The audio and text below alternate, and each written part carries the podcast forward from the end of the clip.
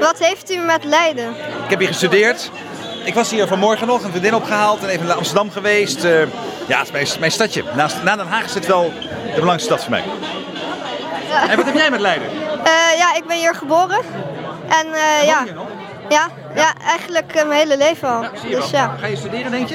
Eh, ik, ga, eh, ja, ik ga denk ik wel studeren. Ja. En ook hier, denk je? Eh, ja. Ja. ja. U gaat natuurlijk stoppen, maar wat gaat u eh, hierna doen? Ja, dat is ofwel helemaal buiten. Kijk, in de Nederlandse politiek is niks meer. En Europees zou er zou nog één ding zijn, dat is de NAVO. Daar zit ik een beetje aan te kijken of dat zou kunnen.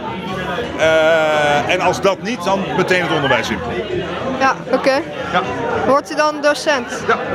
Wat voor een docent? Geschiedenis. En een hele goede. Oké, ja, dat lijkt me wel leuk om u als eh, docent te hebben dan. Ja. Ik doe het als hobby een paar, dagen, een paar uur in de week.